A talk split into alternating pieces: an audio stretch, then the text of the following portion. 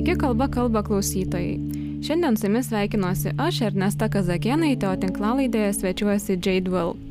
Jadas yra amerikietis, tačiau nors esame pažįstami seniai, mane kartą neteko su juo kalbėti angliškai, nes Jadas puikiai ir noriai kalba ne tik lietuviškai, bet ir kitomis Baltijos šalių kalbomis. Čia turiu minėti ne tik estų, latvių, bet ir latgaliečių. Tiesa, jomis ne tik kalba, bet tai yra ir jo pagrindinis darbo įrankis, nes greta daugybę savo pareigų Jadas pirmiausia yra vertėjas. Jo darbų sąrašas ilgas. Iš lietuviškų kūrinių galėčiau paminėti Sigito Parulskio kūrinio 3 sekundės dangaus ištraukas, taip pat Richardo Gavelio jauno žmogaus memuarus ir begalę negrožinės literatūros. O biografija taip pat labai marga. Nes Žydas ne tik verčia, bet ir pats rašo, bet to yra dėstęs universitete, netgi vaidinęs keliuose filmuose. O naujausiose pareigos yra literatūros agentas. Tiesa, ne lietuvių, bet latvių literatūros. Tačiau apie viską - vertimus, literatūros agento darbą, filmus ir lietuvių kalbos studijas - kiek nusekliau iš paties Džeido lūpų. Galbūt pradėkim nuo dabar. Džeidai, tu esi Vilniuje, tačiau jame nebegyveni. Ir ką tu veiki Vilniuje šiomis dienomis? Ačiū. Tai uh, aš visų pirma verčiu vieną Jurgio Kunčino romaną. Aš senai pradėjo šitą versti, ten gal prieš 15 metų. Kunčinas turėjo daugybę romanų, bet tarptų visų romanų jisai parašė tokį romaną Bilė ir kiti. Ir kai aš ten perskačiau, man labai jau patiko ir aš tiesiog pradėjau versti. Bet aišku, tuo metu aš nieko apie leidybą užsienyje nežinojau ir tiesiog savo malonumai ten išverčiau. Ir aš ten nemažai išverčiau, bet paskui atsirado kiti darbai, už kuriuos aš uh, gavau pinigų ir, ir tiesiog um, toliau netęsiu, žinai, to vertimo. O pernai buvo taip, kad um, rašytojų sąjunga čia Lietuvoje skelbė konkursą vertėjams ir aš patikiu paraišką, bet dėja dėl įvairių priežasčių negalėjau atvykti. Ir šiemet aš dar kartą pabandžiau, pateikiau tą paraišką, gavau e, teigiamą atsakymą mhm. ir, ir aš atvažiavau jau e, rugsėjo pabaigoje. Tai visų pirma, druskininkuose buvau per druskininkų rūdienį, kas buvo labai jau smagu, kaip uh, kaip poezijos festivaliais pirmą kartą buvau ir, ir iš tiesų labai jau gera pradžia buvo. Ir, ir paskui atvažiavau ten į Vilnių, man irgi dalis iš tos stipendijos, kurie gavau iš rašytojų sąjungos, irgi jie išnuomavo būtą man, kas yra labai jau uh, puikus dalykas. Ir tarp uh, tų visų vertimų darbų aš irgi e, šiaip, e, nu, susitinkam su autoriais, e, su leidėjais, nes šiaip, kadangi jau, jau sakė, kad aš dirbu literatūros agentų, irgi dirbu su Lietuvos rinka, mhm. bandau įkalbinti uh, Lietuvos leidėjos išleisti į Latvijų autorius iš tikrųjų nereikia įkalbinti, jie, jie patys, mhm. E, leidėjai ten patys nori išleisti, labai e, puikus e, dalykas. Neseniai išleidau ir Noros Ikstenos romaną Motinos mhm. pienas, išleido Arno Junzas romaną ir, ir, ir daugybę kitų kūrinių. Ir, ir jau tikrai mane džiugina, kad dabar jau lietuviai irgi turi tą galimybę skaityti daugiau latvių literatūros. Bet vis dėlto tavo pagrindinis tikslas Vilniuje yra versti. Ir versti Kunčino romaną. Bet tu sakai, kad jau jį pradėjai versti seniai. Ir nebuvai pabaigęs. Ar buvai pabaigęs, tik dabar atlieki korektūras? Ne, aš jau buvau išvertas daug maž trečdalį. Mhm. O dabar aš ganėtinai lietai verčiu. Maždaug, nu, porą ten lapų per vieną dieną. O iš, bet čia iš tikrųjų yra labai daug, nežinau, jeigu koks nors klausytojas ir perskaitė šitą knygą, bet yra labai daug realijų iš sovietmečių ir, ir iš tikrųjų um, tenka labai daug uh, tyrinėti, ieškoti informacijos internete, kas iš tikrųjų yra labai įdomu, žinai, aš mhm. ne, neturiu nieko prieš, bet uh, kartais tenka ilgai ieškoti. Ir žinok, aš nežinau kodėl, bet man tas romanas, nu, iki šiol, žinai, man, man žiauriai patinka ir kažkaip įkvėpia, žinai, kažkaip. Skaitydamas, aš galvojau apie tą Vilnių, kurį sutikau pirmą mm. kartą.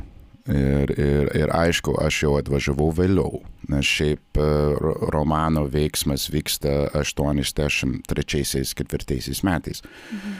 Bet kai aš atvažiavau, iš tikrųjų nesakyčiau, kad viskas jau buvo visai pasikeitęs, žinai, daug kas buvo likę e, iš tų laikų. Mhm.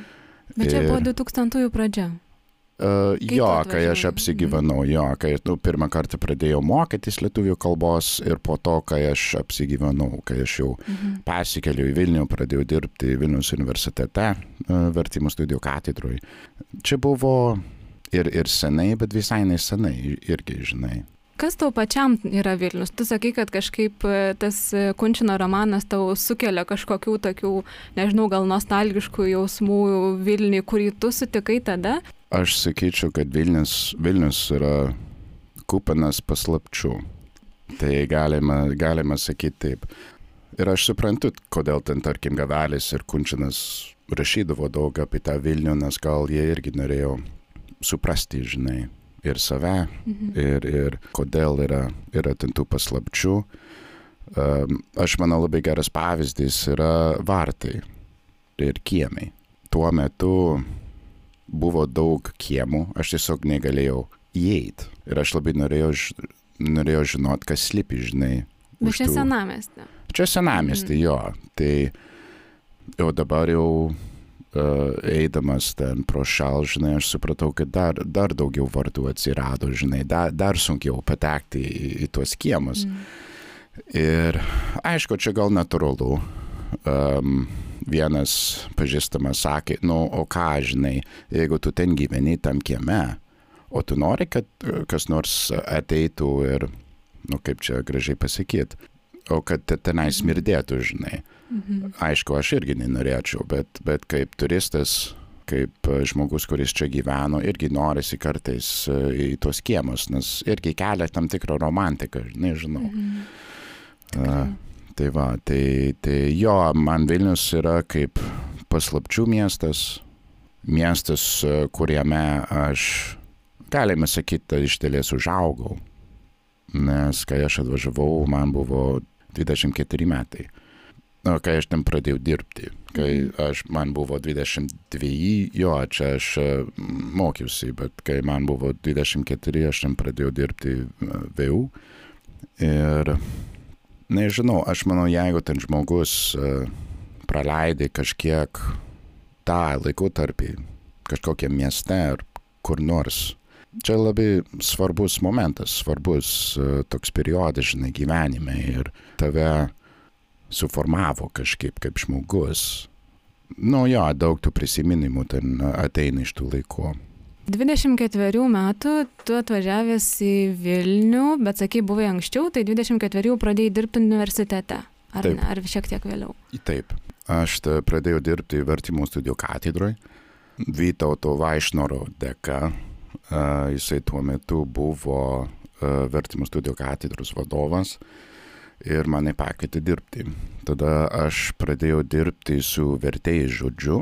Aš rašydavau kalbas angliškai ir aš jas sakydavau paskaitų metu ir kai studentai verstavo į uh, anglų, aš komentuodavau, žinai, kaip galim gražiau, kaip galima gal trumpiau. Jo, ir aš manau, iš tikrųjų, kalbant apie tą lietuvių kalbą ir kaip aš išmokau, žinai, iš tikrųjų čia labai padėjo. Nes šiaip um, tokios studijos, ta prasme, jeigu žmogus nori tapti vertėjų žodžiu, reikia suprasti, kas yra registras, žinai, kalbant apie, apie, apie kalbą. E, reikia tiek suprasti, žinai, kokia yra oficiali kalba. Nu, tarkim, jeigu, jeigu žmogus uh, iš tribūnos, žinai, kalba mhm. arba kažkur konferencijoje. E, arba šiaip kalba su vien su kitu. Čia yra visokiausių registrų ir, ir reikia ten juos labai gerai suprasti. Ir aš manau, dirbdamas tenai, daug ką gavau, nes šiaip aš rašydavau tas kalbas angliškai ir jas paprastai išverstavo gerai. Bet čia buvo kaip paskaita man, tai tai, tai jiems, žinai. Aš ten specialiai taip nedarydavau, žinai, bet tai taip ir išėjo. Va, ir, ir dirbdamas tenai aš labai daug gavau iš to. Tai va, ir, ir, ir ta prasme, tu, tu negausi tiek daug informacijos tik tai skaitydamas Mhm. ar kalbėdamas. Aišku, ten irgi reikia tokius dalykus daryti. Bet uh, jo, čia, čia labai geras darbas buvo ir aš dirbau gan ilgai, kol aš pradėjau gal tiesiog daugiau versti. Tai ta prasme, aš visada, nu, visokiausius darbus turėjau, bet tada nusprendžiau ten vienu metu tiesiog versti. Na, mes visi girdime, kad tu puikiai kalbi lietuviškai. Ir turbūt vienas labai atsibodęs klausimas, bet gal dar kartą paklaus, kad e, kažkaip paliktume tai uh, įrašę. Ko, kodėl lietuvių kalba? Kaip tu ateiki lietuvių kalbos? Nes galbūt klausytojai nežino, gal ir žino, kad uh, tu gimėjai Amerikoje Mm. ir studijavai ten. Ir uh, iš pradžių važiavai į Estiją ir mokėsi estų kalbą. Mhm. Ir lietuvių kalba atėjo tik paskui. Aišku, po Lietuvos jau atėjo ir latvių kalba, o po latvių ir latgaliečių. Bet e, pradėkim tada gal nuo pradžių pusiau. Tai važiavai į Estiją ir kaip Estijoje atsirado lietuvių kalba. Jo, buvo taip, kad mes su vienu draugu nusprendėm važiuoti į Lietuvą. O tada važiavom, nu, čia buvo spalio mėnesį ir, ir aišku, labai šalta jau buvo. Nieko nežinojom apie tą Lietuvą. Ir aišku, e, labai mažai apie tą Estiją žinojom ir apie tą Latviją. E, Visų pirma, važiavom į Rygą, pabuvom, žinai, kokią dieną. Ir paskui važiavom į tą Kauną. Nežinau kodėl, bet aš turėjau labai daug energijos, žinai, labai norėjau pamatyti viską, kas yra ten tam Kaune, nors aš nieko apie tą Kauną nežinojau. Atvažiavom gan vėlai į tą Kauną ir, ir kitą dieną aš atsikėliau labai anksti ir nuėjau į miestą. Ir aš nežinau, kas ten buvo tą dieną, bet um, buvo labai daug žmonių gatvėse. Ir uh, aš ten savo galvoju, žinai, jeigu čia yra kas, nu, kasdien Kaune, Mhm. gal reiks čia persikelt. Supratau, kad po to, kai aš buvau daugiau uh, Kaune, kad taip nėra, žinai, kad uh, paprastai nėra jau tiek daug žmonių gatvėse ten, uh, ypač dar, darbo dienomis. Tai, bet, nu jo, tai uh, buvom su, su to draugu ir, nežinau, buvo tiesiog tokia atmosfera. Kažkaip man labai patiko, išgirdau pirmą kartą lietuvių kalbą. Ir aš taip įsimylėjau, čia, žinai, negalim kažkaip paaiškinti. Čia kaip jeigu tu įsimylėjai žmogų, žinai, tu, tiek daug kas vyksta, vyksta savyje. Ir, žinok, aš atsimenu, kai e, viduriniai mums buvo privaloma ta ispanų kalba. Ir man visai nepatiko. Nu, iki šiol nesakyčiau, kad aš, nu, jeigu reikėtų, ten galėčiau išmokti, žinai, bet čia jau tikrai nenoriai ten tą daryčiau tikriausiai. Mhm. Bet su lietuviu kažkaip jau iškart išgirdau pirmą kartą Laisvės alėjoje, e, kai e, du vyrukai kalbėjo e, apie, apie knygas. Nes pardavinėjo ten knygas tenai, Mhm. senas knygas ir, ir, ir aš išgirdau pat prie pašto, to labai gražaus funkcionalizmo pašto. Aš galvoju, aš kada nors išmoksiu. Ta aš galvojau. Ir šiaip ta visa diena buvo kupina ten visokiausių įvykių. Po trijų metų aš atvažiavau į Vilnių ir pradėjau mokytis Vilnius universitete pas e, Virginijus Tumbrienę. Tiesiog tęsiu tą, tą visą, kai aš ten pradėjau dirbti. Ir tikrai kiekvienas iš mūsų esam girdėję tokių mitų, kad e, lietuvių kalba yra labai arhaiška ir todėl labai sudėtinga ir kartais net romantizuojama, kad tai yra pati sunkiausia kalba pasaulyje. Aišku, tai yra visiškai netiesa, bet e, tikiu, kad tokių mitų girdėjai. Ir, e, o kaip buvo tau, nes tavo yra gimtoji anglų kalba, tai Jo. ganėtinai skiriasi nuo, nuo, pavyzdžiui, lietuvių kalbos. Man tai nežinau, man ta lietuvių kalba yra gan logiška. Mhm. Irgi dėl skambesio, kaip sakiau, žinai, man iškart patiko. Gal čia irgi, kai tu įsimylėjai žmogų, žinai, tu nematai ten tu tokių dalykų, žinai, viskas yra labai gražu. Linksnių. Nu, jo, išimčių nėra, žinai, čia viskas yra gražu. Aš iki šiol tą, tą galvoju, žinai, aš nematau ten tų trūkumų, ten sunkumų, ten kalbant apie latvių kalbą, kaip ir tu irgi gal, galėtum daug uh, komentuoti. Čia man ta latvių kalba yra labai sunki, Mhm. uh, palyginus ten su lietuviu.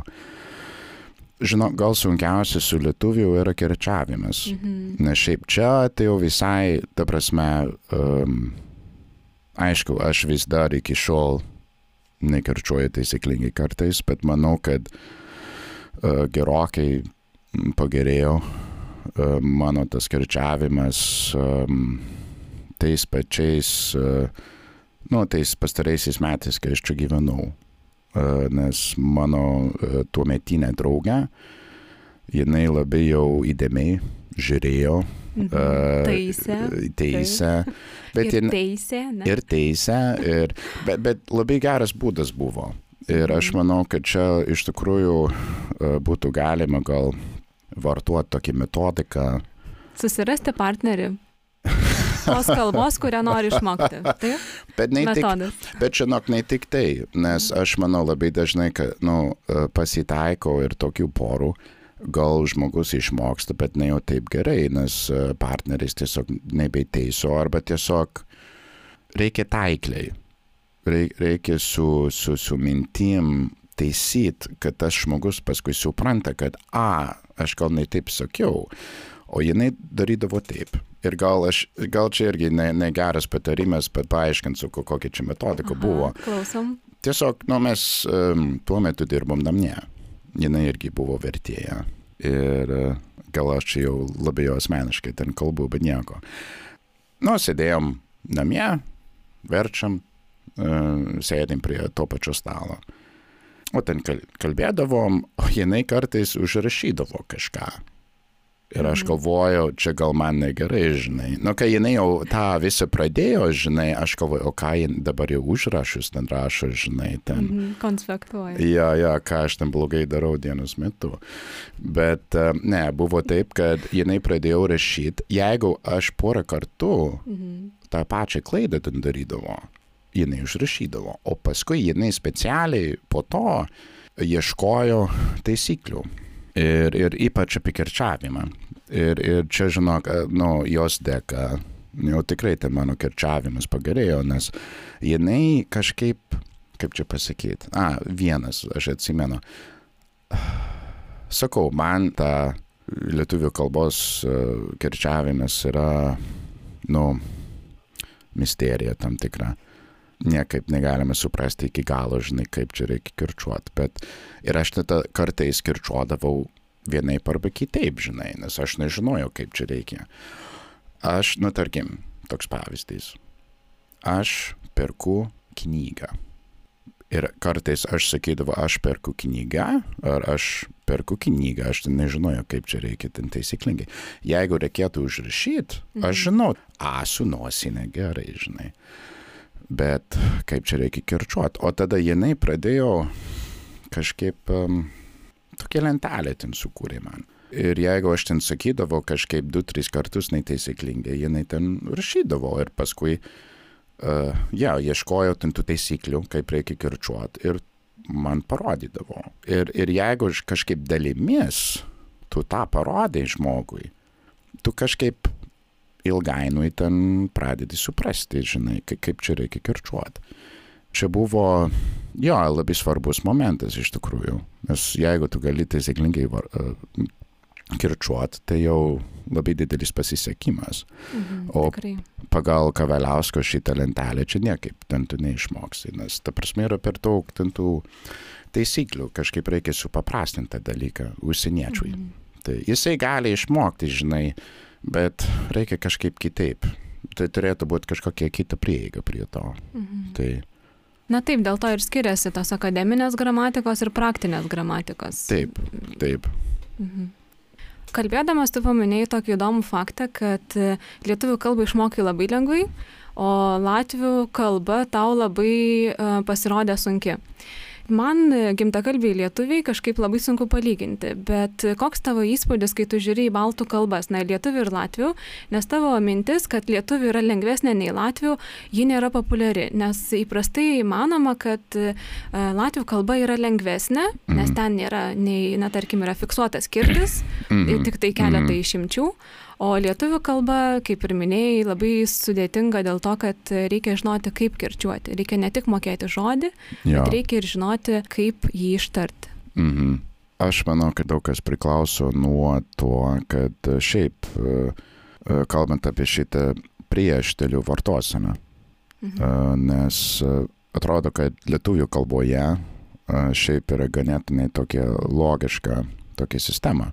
Nu, tarkim, eiti nueiti. Tai reiškia tikriausiai, kad tu biški ten kažkur eini. Nu, arba trumpam. Išeiti, tu išeini iš tos vietos. Ir atrodo, kad praktiškai kiekvienoje situacijoje su, su kitais veiksmažodžiais, jeigu vartoja tokias ten priešdėlis, tai reiškia, kad tikriausiai ta, ta, ta reikšmė bus maždaug e, ta pati. O Latvijų kalboje visai nu, skiriasi, žinai, e, tu niekada negali sužinot, ką galėtų reikšti tas e, veiksmažodis. Mhm. Nors ir gal aš dabar bandau kažkaip prisiminti pavyzdį. Na, gal vienas iš tokių lietuviams sudėtingiausių atvejų tai yra, pavyzdžiui, Vilcens atiet. Vilcens mhm. atiet septynios. Mhm. Ir tas atiet lietuviams atrodo, kad ateina, kad atvyksta. Jo. Bet latviškai tai yra išvyksta ir Vilcijans atiet septynios. Tai yra A. traukinys išvyksta septinta. Jo, jo.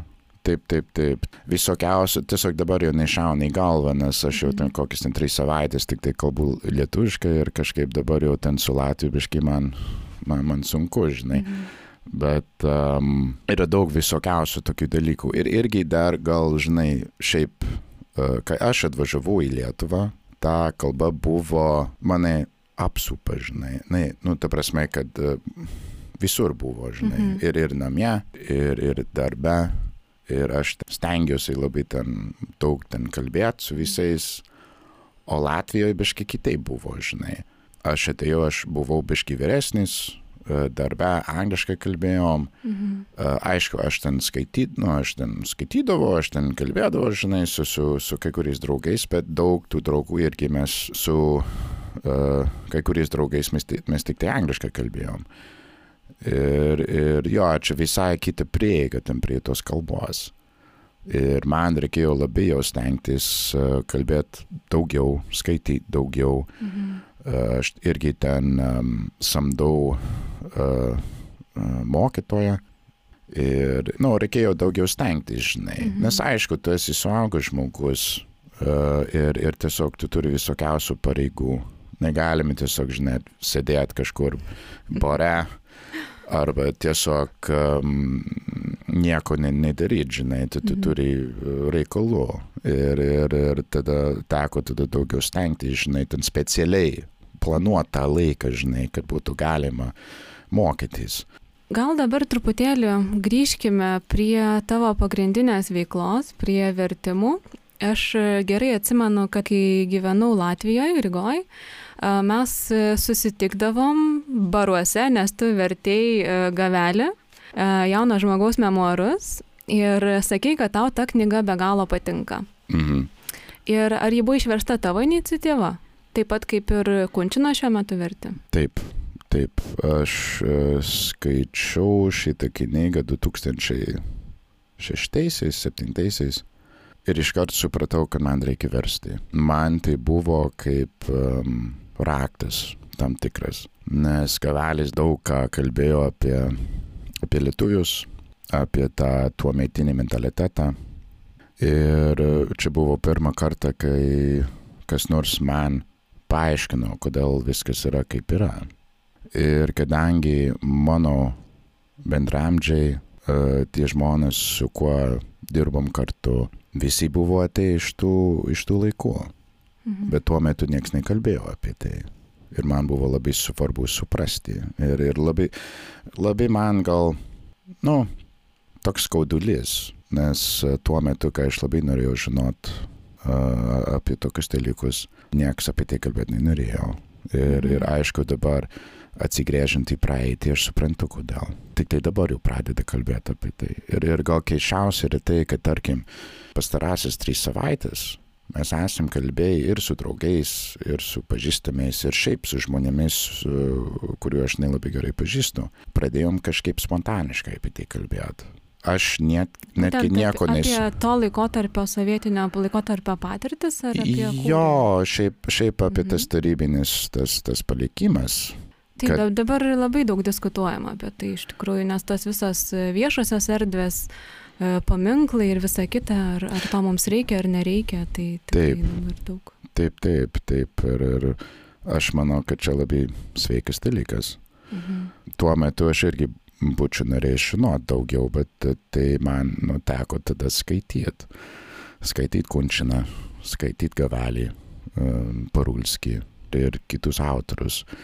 Ir jo, kaip sakiau, žinai, čia iš tikrųjų buvo raktas tam tikras, kad būtų galima daugiau suprasti tą lietuvių kultūrą, lietuvius, tą, tą praeitį, Mhm. nes jo, iš kitų šaltinių buvo sunku gauti Mhm. tą, tą informaciją. Aš atsimenu, esi minėjęs, kad lietuviai yra ganėtinai uždari žmonės ir tarkim, net ir ganėtinai geri d- tavo draugai, jie kažkaip vengia kalbėti apie šeimą, Taip, apie, taip. apie net nežinau, kažkokias... Apie darbą. apie darbą, apie net ir trauminės kažkokias patirtis, kažkaip Jo, linkę apie tai tiesiog nekalbėti. taip, taip, ir aš tą irgi išmokau.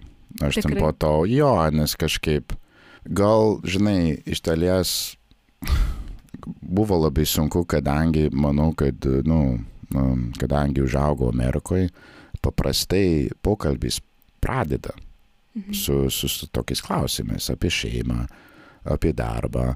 Ir nors gal banalu ten uh, skamba, žinai, uh, gal, nu, padeda, žinai, kartais tą pokalbį pradėti. O kai aš supratau, kad aš tokių įrankių neturiu, žinai, buvo Mhm. žiauriai sudėtinga. Tai, bet apie tą uždarumą, aš sakyčiau, kad dabar kažką naujo sužinojo apie lietuvius, e, būdamas čia Labai įdomu. pastarasis e, tris savaitės. Patys lietuviai sako, sako bent jau man sakė, kad e, mes esame introvertai. Mhm. Ir aš niekada gyvenime nebuvau, nebuvau girdėjęs šitą anksčiau. Mhm. Čia pirmą kartą, o dabar jau daug kas dabar jau sako, žinai, o mes esame introvertai, mes esame kaip um, šiaurės šalis. Ir Mhm. anksčiau taip nebūdavo. Bent jau man nesakydavo, gal visi tą ir galvodavo, bet Mhm. tiesiog man nesakė, žinai. Bet dabar jau daug kas tą sako. Ir, ir labai įdomu, žinai, kad dabar jau ta tapatybės klausimas, e, kam mes priklausom Mhm. kam mes priklausom ir, ir, ir um, kur yra mūsų vieta po saulės. Um, jo, tai kažkaip labai įdomu dabar. Bet šiaip gal dabar jau visi biškai atviriau, žinai, apie viską kalba. Nu, gal ne apie viską, žinai, bet Mhm. uh, daug daugiau negu anksčiau. Mhm. Tai Taip, bet apie tą introvertiškumą, ekstravertiškumą apskritai dabar labai daug kalbama. Kažkaip internete daug tokio turinio. Ir hmm. pavyzdžiui, net Latvių mm, literatūros vienas iš šūkių yra I am introvert. mhm. Ir Latvija irgi save pozicionuoja, kad jie yra intravertų tauta. Ir mm, tai buvo pagrindinis šūkis Londono knygų mugiai. Taip. Ir labai labai pasisekęs, man atrodo. Taip, taip. E, labai įdomu dabar jau, jeigu aš kažkur važiuoju į kažkokį mūgę ir aš sakau, kad aš dirbu literatūros agentų, e, aš iš Latvian Literature platformos, o tada iškart sako, o, a, aš girdėjau tą pranešimą apie jūsų programą, tas I am introvert kampaniją, tai oi, man labai patinka ir galvojo, oi, čia jau tikrai ten žmonės žino apie tą dalyką, nes iš tikrųjų buvo ganėtinai didžiulis pasisekimas su tą kompanija, bet aš manau, kodėl taip yra, e, yra, kad iš dalies tai yra tiesa. Ir, bet aš nematau nieko blogo Mhm. tame. Tiesiog reikia suprasti, kokia yra ta prieiga prie žmogaus. negalim spiesti, žinai, informacijos iš, iš, iš introvertų. Uh, ir, ir tiesiog, jo, reikia kažkokius uh, kitokius prieigos prie žmogaus, reikia suprasti, kaip jie bendrauja. Nu, gyvendamas jau ilgai Baltijos šalyse, iš, iš tiesų yra malonu, kai tu randi tą bendrą pokalbį, bendrą kalbą su, su, su kitu žmogum, o dabar aš esu kažkaip pripratęs, aš ten apie šeimą paprastai nieko neklausiu, žinai, bet ten mes nesakyčiau, kad einam prie reikalo, čia gal, gal dviprasmiškai skamba, žinai, bet uh, galim šiaip apie kitus dalykus, žinai. Tai ne, ne paviršutiniškai, bet apie kažką kitką. Tai. Mm. Man atrodo, mm, Gavelis e, savo kūrinį yra kažką tokio minėjęs apie tėvynę, kad tu gali tarsi iš jos išvykti, bet tu niekada nuo jos nepabėgsi. Aha.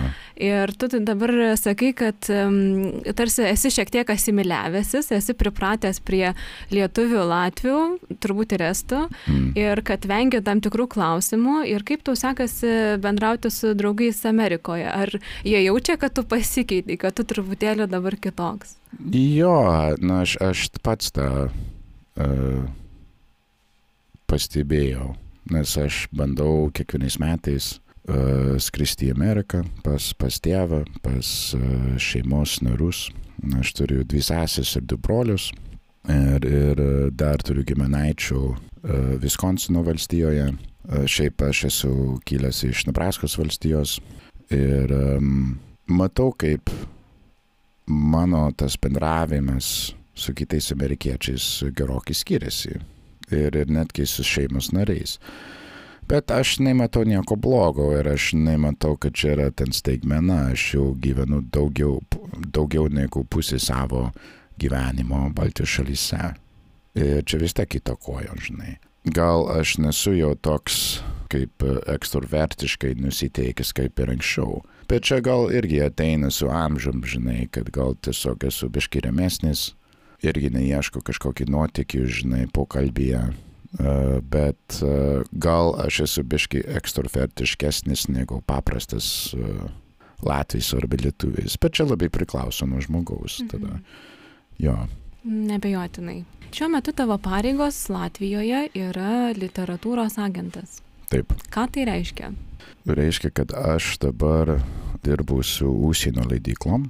Aš irgi ieškau kontaktų su užsienio žurnalais, spauda, žurnalistais.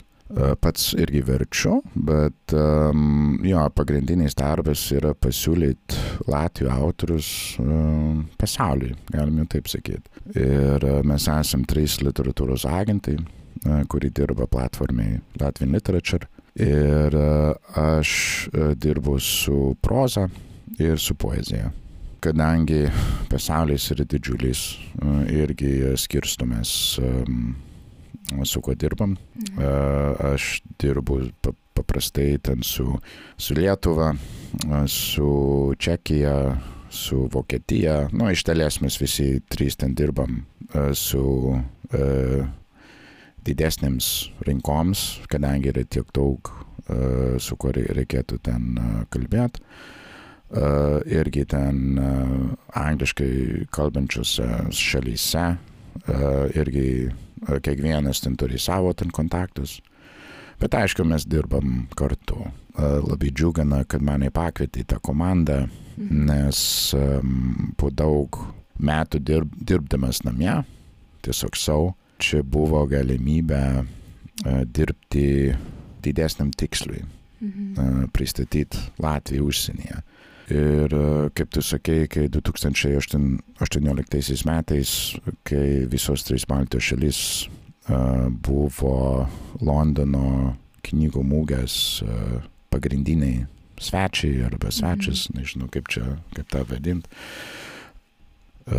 įgyvendinom daug E, tų projektų e, sėkmingai e, irgi išverčiau Gavalio romaną, ten kaip tu sakei, kas irgi beje ten tavo dėka išėjo, nes mes labai daug ten sėdėjom prie, to, prie tos knygos ir uh, užduodavo daug, labai daug klausimų įkyrių ir, ir, ir bet tu ten labai gražiai viską paaiškinai.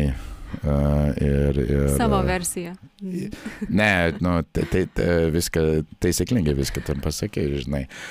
Tai, nes šiaip, um, jo, jeigu aš dirbu prie kažkokio vertimo, aš ten, nu, iki dugno. Mhm. Ir, ir norisi žinot kiekvieną nuansą. Tiesiog ieškau ten tų leidėjų užsienio, Mm, žurnalų, žurnalistų, vertėjų irgi žinai.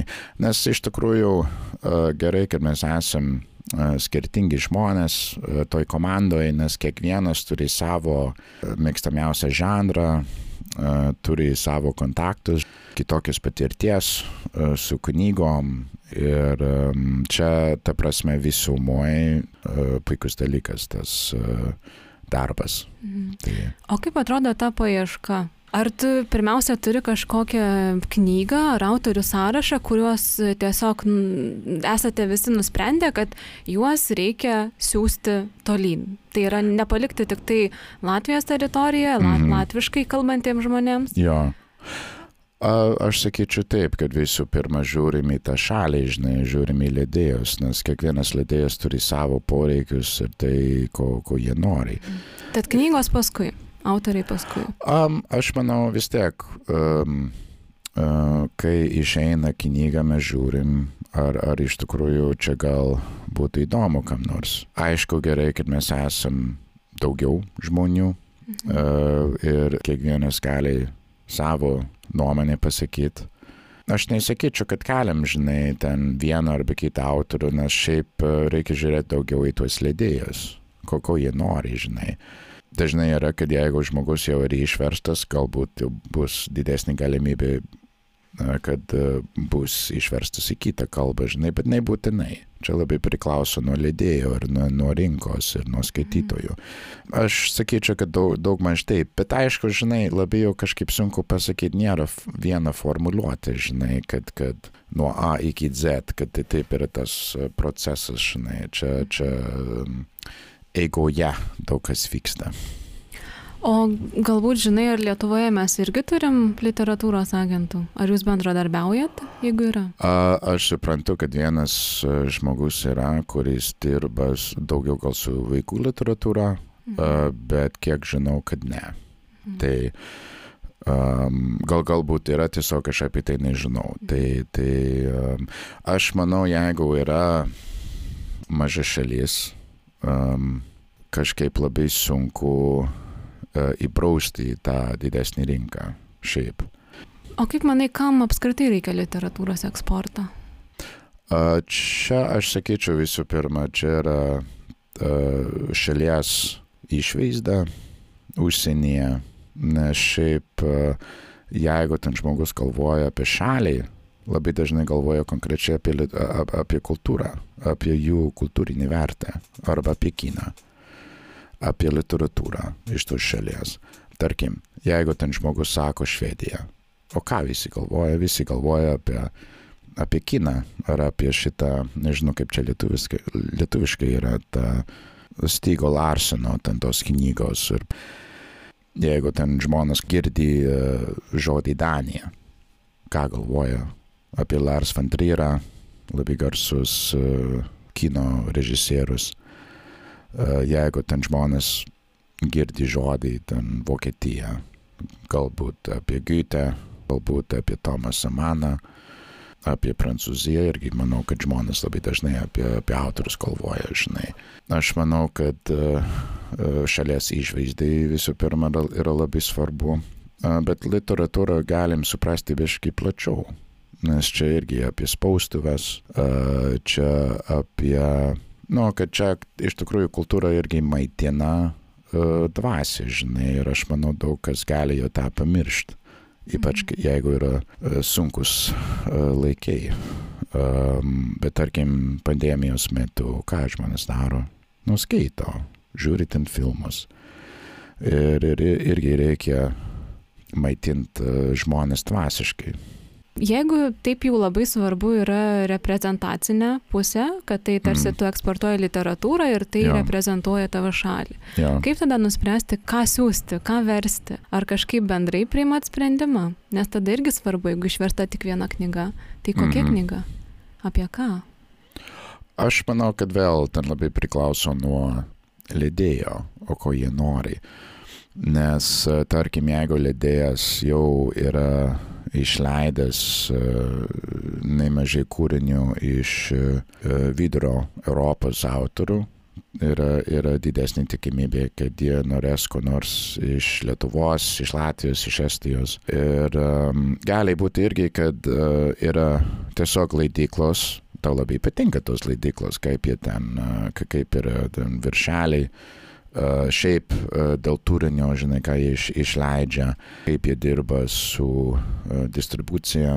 Jeigu dar jie neturėjo patirties dirbti su verstinė literatūra, tiesiog gali jau pabandyti, žinai, ir, ir, ir papasakot, apie, mes tiesiog bandom, žinai, su jais ten kalbėti, kad mm. turim nemažai vertėjų, turim finansavimo mechanizmą. Tai jūs net galite finansuoti tą vertimą? Jo, galim ir tą vertimą finansuoti ir irgi turim finansavimo leidybai. Mhm. Bet aišku, labai priklauso nuo to, kiek prašo ir dar labai priklauso nuo konkurso, kadangi gali būti, kad į vieną konkursą pateikė mažiau ten paraiškų, bet gal jau yra antras arba trečias konkursas uh, uh, kažkuriais metais ir tada yra labai daug paraiškų. Tada kažkaip labai sunku, žinai, tada jau reikia dalinti, žinai, uh, finansavimo biškai kitaip. Čia yra labai paplitusi praktika, kad yra tam tikros institucijos vienoje arba kitoje šalyje. Čia paprastai bent jau Europoje Aš manau, kad faktiškai kiek, kiekviena šalis turi savo tą instituciją, kuri dirba su uh, savo literatūros sklaida užsienyje. Nu, aš sakyčiau, kad tas, ta sistema ten ganėtinai sėkmingai veikia. Uh, ta sistema yra labai patraukli užsienio leidėjams, uh, nes uh, šiaip dirbti leidyboje yra labai sunku labai sunku užsidirbti pinigų ir labai sunku kažkaip prognozuoti, ar knyga tikrai bus sėkminga. Aš manau, kad reikia remti tuos žmonės, nes gal kitaip čia tų vertimų nebus. Bet manau, kad tu vienaip ar kitaip remi, pats versdamas į anglų kalbą, tiek iš lietuvių, latvių, tiek iš latgaliečių. Taip. Taip, ir iš estų. Taip, taip. Ir visai neseniai, 2018 metais, sudarai Baltijos šalių poezijos rinktinę. Taip. New Baltic Poetry. Mhm. Toje rinktinėje buvo pasirinkta tik po šešis autorius iš kiekvienos šalies. Taip. Kaip tau kilo šita mintis, nes aš kaip suprantu, tu vadovavai šitam projektui. Mhm. Ir kodėl būtent šeši autoriai ir kodėl būtent tie, kurie yra ten? Mes kalbėjom su tą leidikla, kuri išleido ne tik tai šitą antologiją, bet išleido nemažai Baltijos šalių autorių kūrinių. Jie ten sugalvojo išleisti tą antologiją. Ir, ir mes ten kalbėjom apie tai. Ir aš galvoju, kad gal optimaliausias variantas būtų, kad būtų ten šeši autoriai iš kiekvienos šalies. Ir dar aš labai norėjau, kad um, būtų iš įvairių kartu. Mhm. Nes uh, man buvo labai svarbu, ypač um, iš vyresnės kartos, įdėti tokius autorius, kurie gal nebuvo visai išversti, ar nebuvo daug išversti į anglų. Kartu su Rimu Užgiru, uh, puikus vertėjas iš, iš lietuvių kalbos į anglų. Ir su Adam Collan, kuris išvertė nemažai tų uh, estų autorių. Ir, ir su Jeva Lašinska, kur, kuri išvertė iš Latvijų porą tų autorių.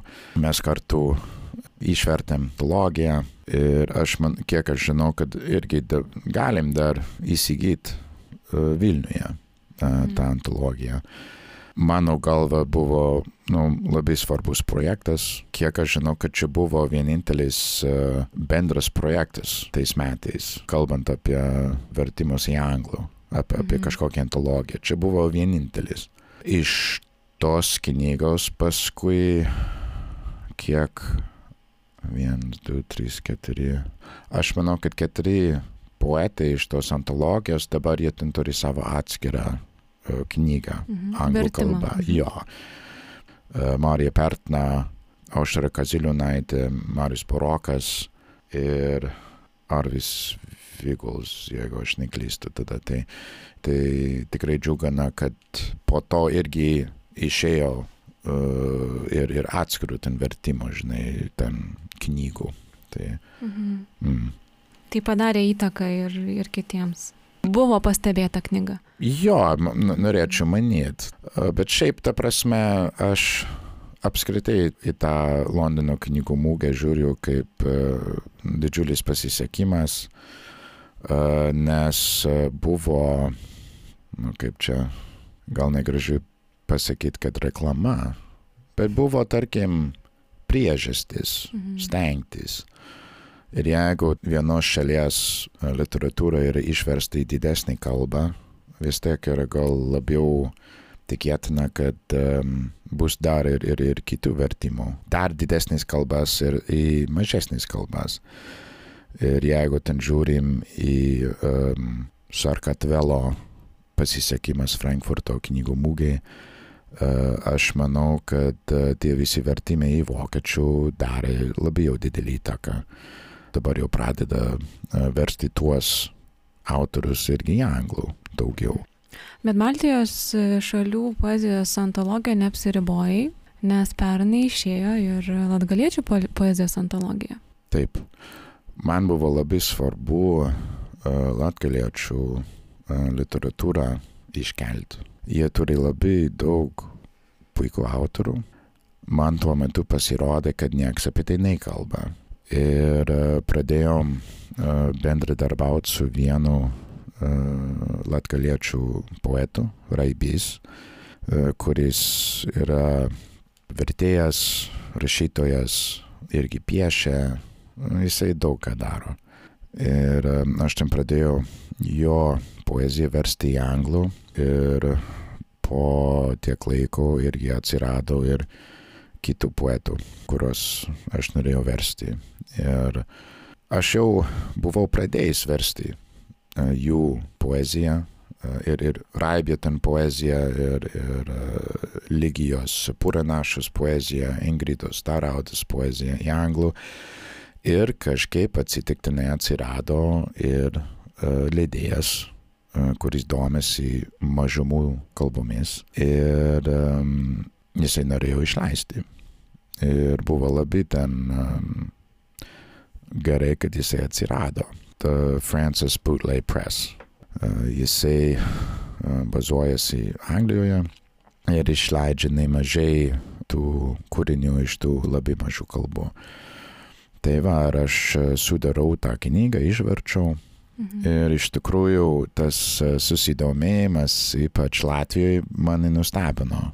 Nes e, nu, mane pakvietė į radiją, pakvietė daryti interviu. Irgi pristatėm tą knygą uh, per vieną festivalį Skotijoje. Čia dė- dėja viskas buvo, bet vis tiek bu- buvo tokia galimybė um, kalbėti apie šitą knygą ir, ir Raibys ir Lygija skaitė savo kūrinius. Aš tos vertimus ten skaičiau. Ir, ir jo, iš tiesų buvo labai malonu su jais dirbti ir, ir jie ten tą, nu, puikiai ten poeziją turi, aš tikiuosi, kad dar versi kitas kalbas.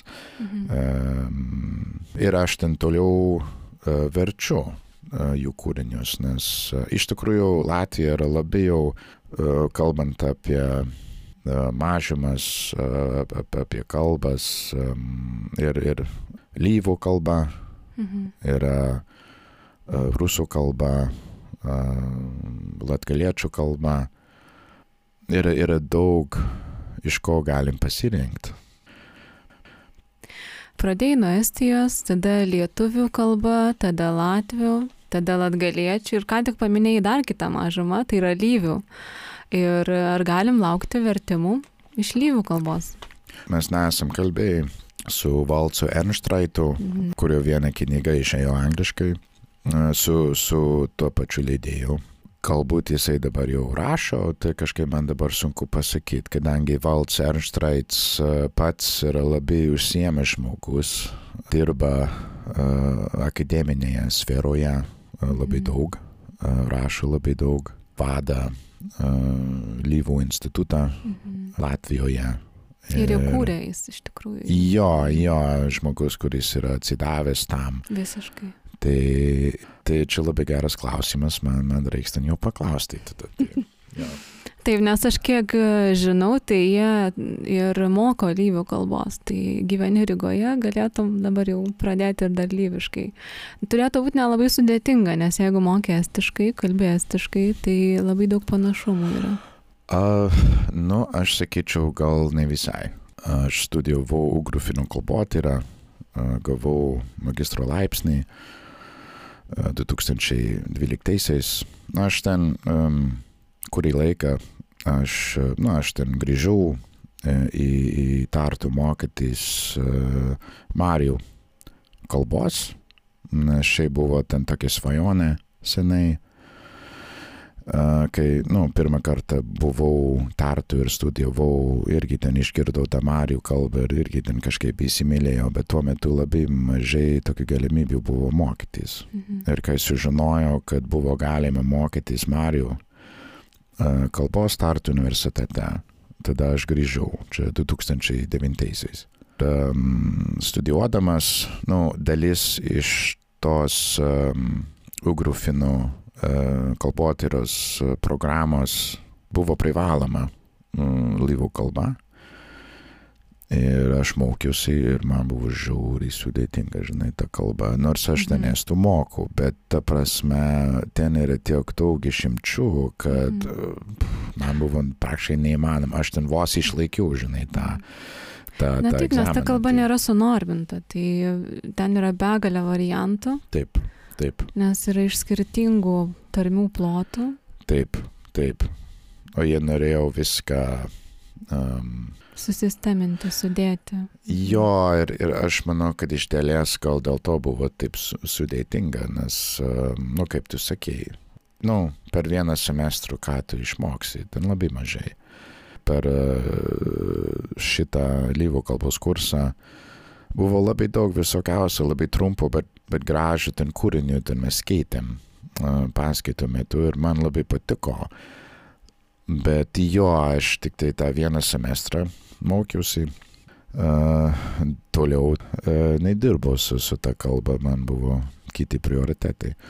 Tu minėjai gavelę, minėjai kunčiną ir tie kūriniai, kuriuos na, tu jau esi išvertęs ir šiuo metu verti, jie yra vienaip ar kitaip susijęs su sovietmečiu. Mm. Ir kodėl tau šis laikotarpis toks įdomus?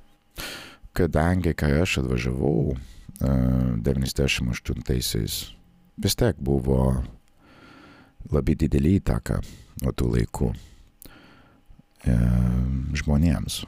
Ir gal čia atsirado, žinai, tas interesas iš to noro suprasti Mhm. tuos žmonės ir tą laikotarpį. A, Norėjau suprasti ten aplinkybės, kodėl žmonės a, elgesi, kaip, kaip elgesi. Um, ir reikėjo tą praeitį suprasti. Mhm. Ir kadangi irgi žmonės nelabai ir kalbėdavo apie tai, man reikėjo viską ieškoti literatūroje. Ir tai-. Jo, bet aš manau, nepaisant to, kad aš dabar verčiu tą Kunčino romaną, aš dabar jau pradėjau daugiau e, gal versti um, tokius šiuolaikinius kūrinius. E, Nes tiesiog aš supratau, kad kažkokia fazė gyvenime yra beigusi. Norisi prie kitų dalykų dabar jau dirbti. Daugiau sužinoti apie tai, kas dabar vyksta. Mhm. Gal dar norėčiau truputėlį paprovokuoti ir e, paklausti, ar turi tokių autorių, kurių tikrai nenorėtum versti, kuriuos esi skaitęs. Ir tikrai ne, nebūtinai todėl, kad tau labai nepatiko, bet pavyzdžiui, kad jų kalba yra per, per sudėtinga arba realijos yra tokios, kurių tu nežinotum, kaip versti. Jo, geras klausimas.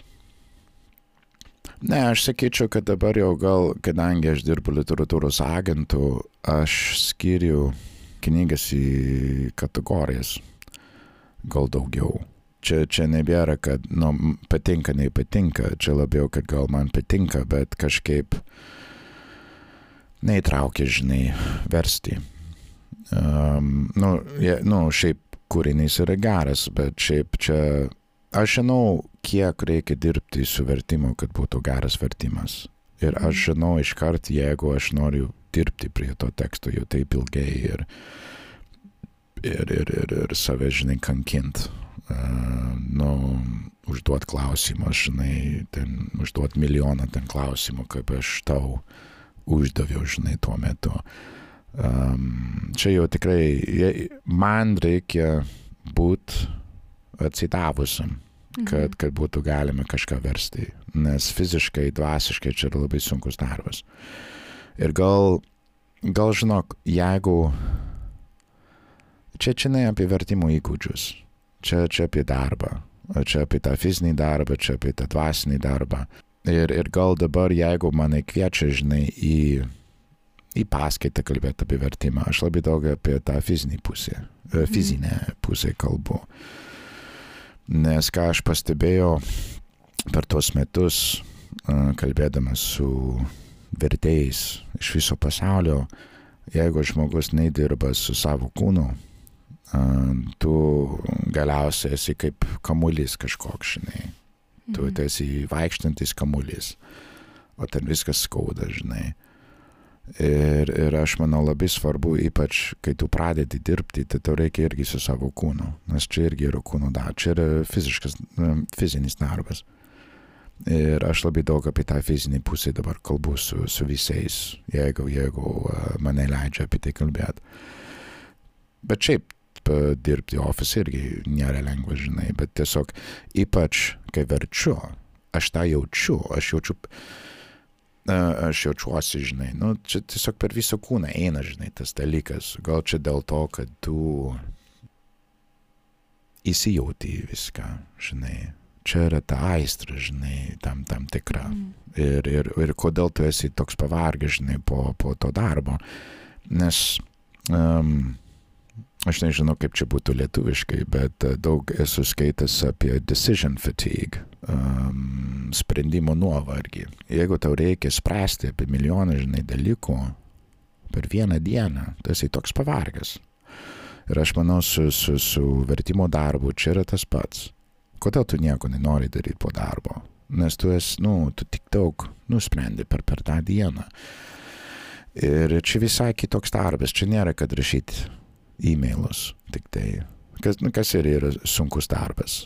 Uh, nu, Kunčinas yra parašęs ten vieną dalyką, kas man labai patinka. Kiekvienas darbas yra sunkus. Iš mhm. tikrųjų taip yra. Bet kažkodėl man vertimas reiškia dar, nu, čia dar sunkesnis toks darbas. Mhm. Tai ir, ir aš dabar jau daugiau į tą fizinį pusę žiūriu. Čia kaip toks um, Jo, dvasinis darbas iš tikrųjų, nes kai tu verti, tu įeini į kito žmogaus būseną, į kito žmogaus jausmus, tu pradedi galvoti apie savo gyvenimą. Kažkaip primena dar uh, vienas uh, estų rašytojas, Mat Strat. Aš, uh, aš puikiausiai atsimenu pirmą kartą, kai aš ten pradėjau verkti, skaitydamas kažką. Ir skaičiau jo vieną knygą uh, Harala uh, gyvenimo istorijos. Harala eilolot. Kiekvienas eilėraštis yra apie vieną žmogų. Idėja yra tokia, kad jisai, poetas eina į kapines ir suranda kapą. Ir sugalvojo istoriją apie tą žmogų, žinai. Mhm. Ir jisai yra parašęs gal 500 eilėraščius pagal tokį šabloną, žinai. Ir eiktų savo, žinai, kaip tu gali įtelpti vieno žmogaus gyvenimą į vieną eilėrašį. Čia kažkaip neįtikėtinas dalykas. Ir... Bet jūs sugalvodavo tas istorijas. Taip, taip, taip, mhm. bet ta prasme, kartais tu pradedi verkti, žinai, jeigu tu kažką skaitai. Aš atsimenu irgi ten vienu metu aš vieną Parulskio kūrinio ištraukį išverčiau. Čia buvo apie Sibirį. Apie mhm. Sibiriją ir, ir, ir, ir reiktų, žinai. Man buvo taip sunku, aš negalėjau iškart e, visko ten išversti, nes mhm. čia buvo jo labai daug, daug visokiausių žiaurų dalykų, žinai. Ir, ir, ir um, irgi reikia galvoti, kad kartais irgi lab, gali labai įtakoti, žinai, kūrinys. Nenoriu pasakyti, kad čia kasdien, žinai, kad, mm -hmm. kad tas vertimas yra labai traumatiškas, ne, bet ta prasme, kartais tenka jau tikrai dirbti ir su savim, ne tik su tekstu. -hmm. Tai va, tai tada daug galime suprasti apie, apie save. Mm. Tai. Šiaip vertėjai yra tarpininkai, nes jie tarsi kartais pamirštami, nes kai knyga yra iš, išverčiama, tai yra jos autorius, yra tekstas ir tai tas tekstas priklauso autoriui. Ir tarsi vertėjas yra tik viena eilutė arba dvi eilutės mhm. visoje knygoje, kur yra vardas pavardė. Ir tu taip pat esi ir rašytojas, nes tu pats kuri. Taip. Šiek tiek publikuoji įvairiose žurnaluose vietose. Ir kaip galėtum palyginti tą rašytojo rolę, kažkokį vaidmenį ir mm. vertėjo? Čia visai kitoks man tai yra labai keista. Jeigu žmogus kritikuoja uh, mano vertimus, nu, priklauso nuo dienos. Kartais priema tą kritiką gan gerai, o kartais ne. Bet čia gal yra susijęta su tuo interpretavimu. Nes jeigu žmogus kritikuoja mano vertimus, jie kritikuoja mano supratimą apie tą mhm. kalbą, apie tą, apie tą autorių. Ir aš norėčiau manyti, kad aš viską taisyklingai ten išverčiau, kad viską teisingai ten supratau. Aš peržiūrėjau tą tekstą gan, žinai, -hmm. įdėmiai.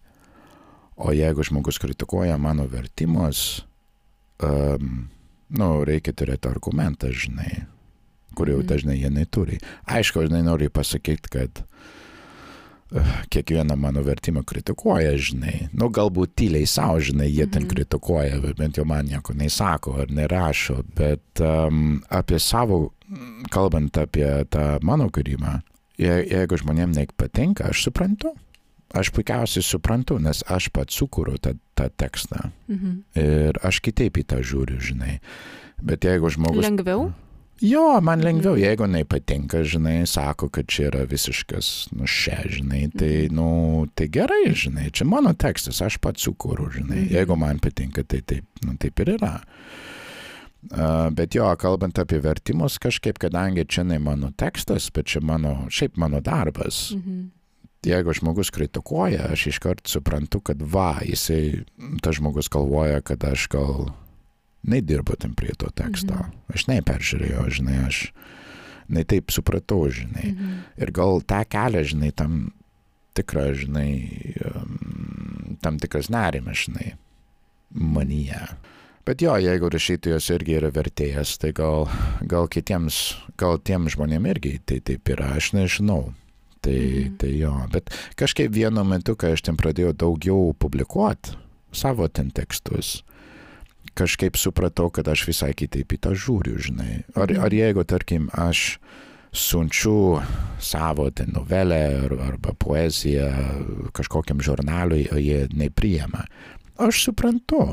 Bet uh, jo, jeigu nepatinka ten mano vertimai, ten kažkaip tai jau visai kitaip į tą reaguoju, žinai. Bet aišku, žiūrint iš, žiūrint iš situaciją, kartais suprantu, žinai, gal kažkokiu klaidų atsirado, žinai, ar gal aš netaip supratau, bet, uh, nu, jo, irgi nenoriu pasakyti, kad čia jau labai dažnai, bet, nu, pasitaiko, mhm. pasitaiko tų nepagristų, um, uh, tą nepagristą ten kritiką. Mm. Tai... Bet interpretacija jau toks dalykas, kad uh, nėra vienos teisingos interpretacijos.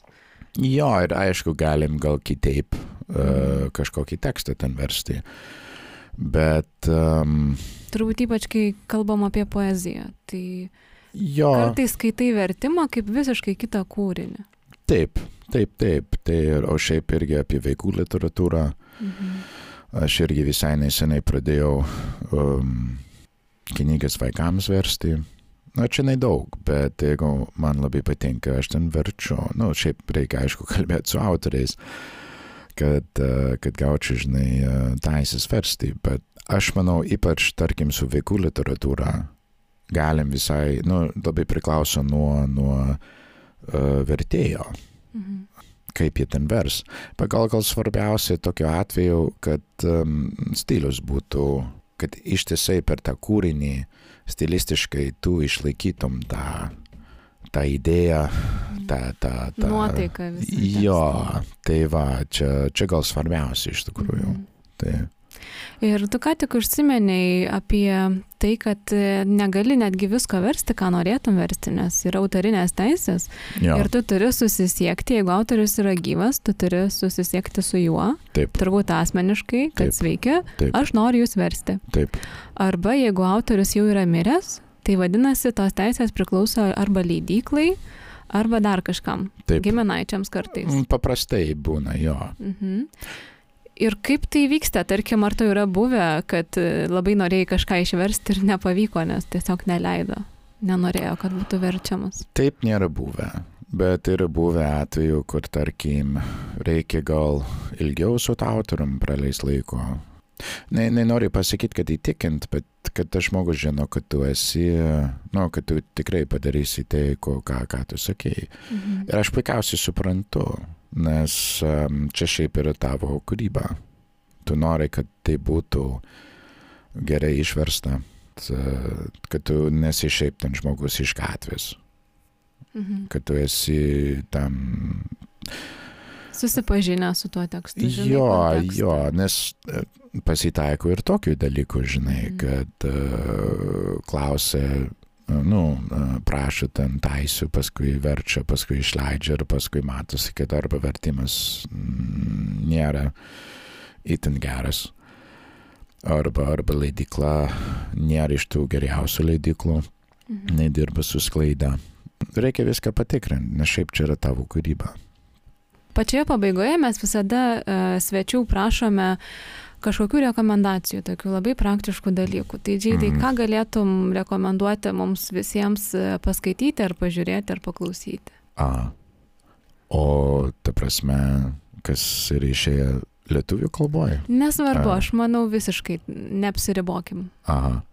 Man džiauriai patinka autoriai iš uh, vidurio Europos.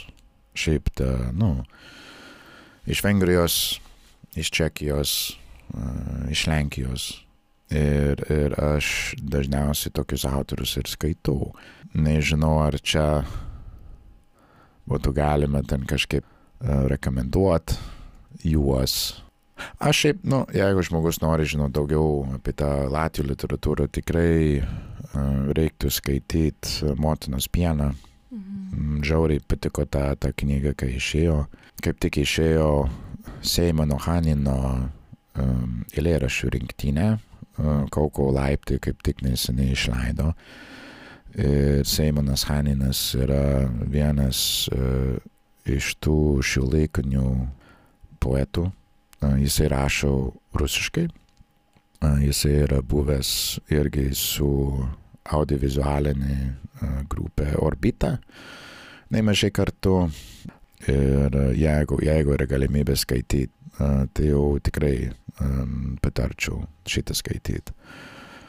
Dabar skaitau uh, Mirčią Kartaresku, jisai yra rumūnų uh, rašytojas ir dabar jo vienas romanas Nostalgija, skaitau ten su malonumu šitą, šitą romaną. Nu, labai toks, nesakyčiau, toks niurokas, toks romanas iš tikrųjų, bet man, man šiaip patinka. Tai irgi manau, dėja dar nėra knygos, bet e, Janos Eglės e, novelės yra labai geros. Man, man labai patinka, jinai jau turi ten tris knygas, visos labai jos sėkmingos, e, kai kurios jos novelės irgi yra išverstos į lietuvių, galim surast žurnaluose. Jinai yra Latvijų poetė ir rašytoja. na, žiauriai patinka Laz, Laszlo Krasnohorkai, vengrų rašytojas. Manau, kad jis irgi yra išverstas į lietuvių. Nežinau, gal Satantango, kas yra gal mano mėgstamiausias jo kūrinys, nors kiti jų kūriniai irgi yra geri. Andrėjos Stašiukas, Andrei Stašiuk, Lenkų rašytojas irgi, manau, plačiai išverstas į, į lietuvių. Labai ačiū už pokalbį, Džeidai. Džiaugiuosi, kad esi Vilniuje, bent jau trumpam. Linkiu sklandaus kunčino vertimo, labai lauksim rezultatų pasirodančios knygos o klausytojams primenu, kad tinklalaidę rasite įvairiose platformose, galite klausyti ir Spotify, YouTube, Google Podcast bei beveik visur kitur. Daugiau informacijos e, sekite socialinėme tinkle Facebook. Ačiū ir iki. thank you